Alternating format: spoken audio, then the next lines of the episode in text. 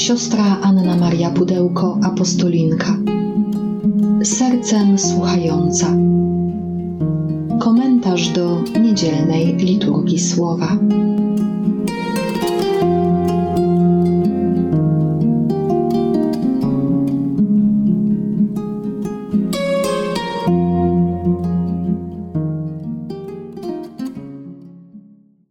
Ewangelii według świętego Jana.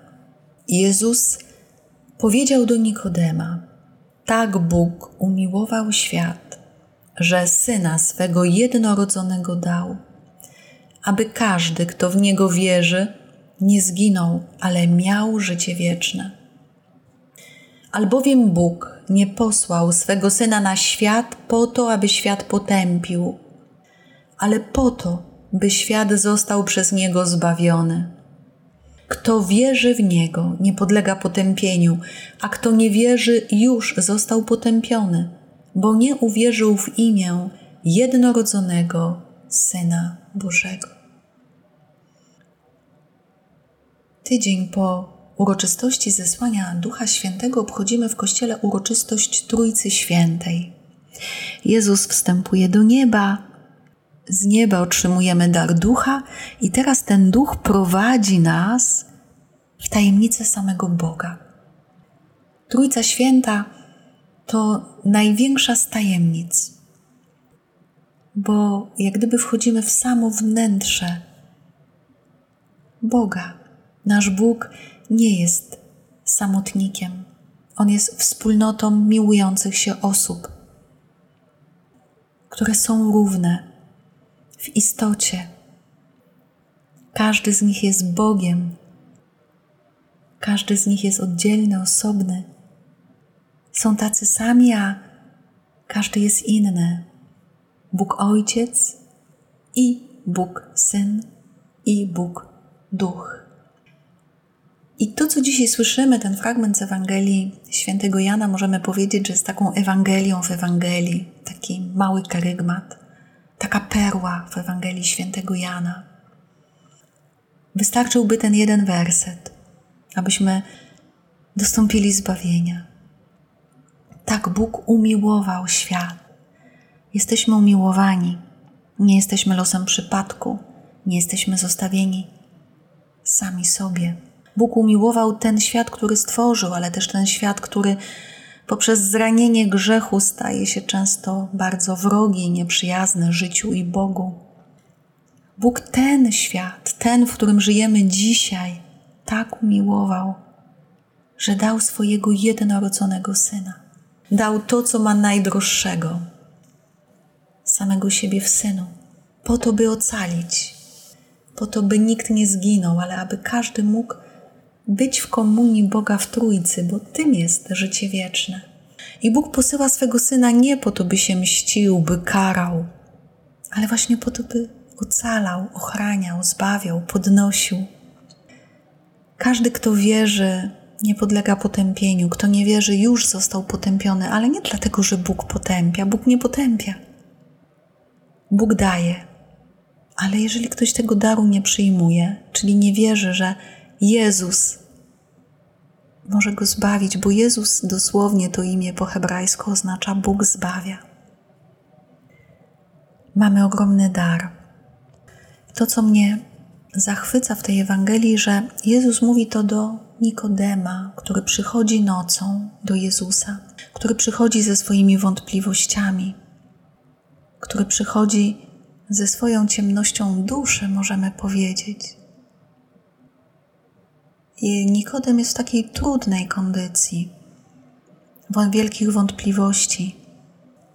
I właśnie do takiego człowieka Bóg mówi tak ważne prawdy.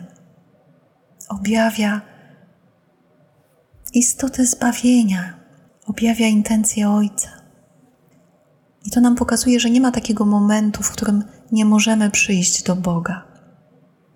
Możemy do Niego przychodzić z naszym grzechem, z naszą rozpaczą, z naszą ciemnością, z naszym zagubieniem, z naszymi wątpliwościami, z naszymi dramatami, podobnie jak z naszym szczęściem, radością, wdzięcznością, uwielbieniem.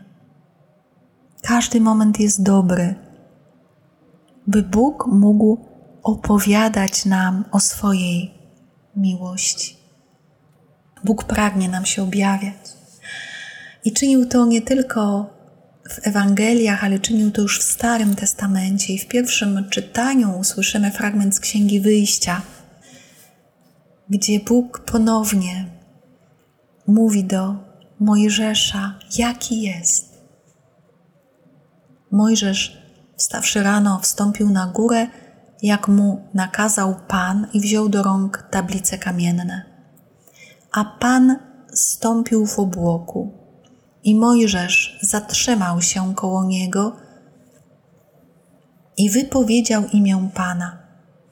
Przeszedł Pan przed jego oczami i wołał: Pan, Pan, Bóg miłosierny i litościwy, cierpliwy, bogaty w łaskę i wierność. I natychmiast skłonił się Mojżesz aż do ziemi i oddał pokłon, mówiąc: Jeśli łaskawy jesteś dla mnie, Panie, niech pójdzie Pan pośrodku nas. Jest to wprawdzie lud o twardym karku, ale przebaczysz winy nasze i grzechy nasze i uczynisz nas swoim dziedzictwem. Pan, Pan, Bóg miłosierny i litościwy, cierpliwy, bogaty w łaskę i wierność. Takiego Boga spotyka Mojżesz, takiego Boga przynosi do swojego ludu. Jakie jest moje doświadczenie Boga? W jaki sposób mi Bóg się objawia? Czy i dla mnie On jest miłosierny i litościwy? Czy doświadczam Go jako cierpliwego, bogatego w łaskę i wierność? Czy i ja zapraszam Boga, by szedł pośrodku nas, pośrodku naszej rodziny, naszej wspólnoty, naszych krewnych, naszych przyjaciół? Bo On przebacza nasze winy, bo On chce czynić nas swoim dziedzictwem. Odpowiedzią na Słowo Boże jest pieśń zaczerpnięta z księgi Daniela. Błogosławiony jesteś, Panie Boże naszych Ojców, pełen chwały i wywyższony na wieki. Błogosławione niech będzie Twoje imię, pełne chwały i świętości. Błogosławiony jesteś w przybytku świętej chwały Twojej, błogosławiony jesteś na tronie Twego królestwa.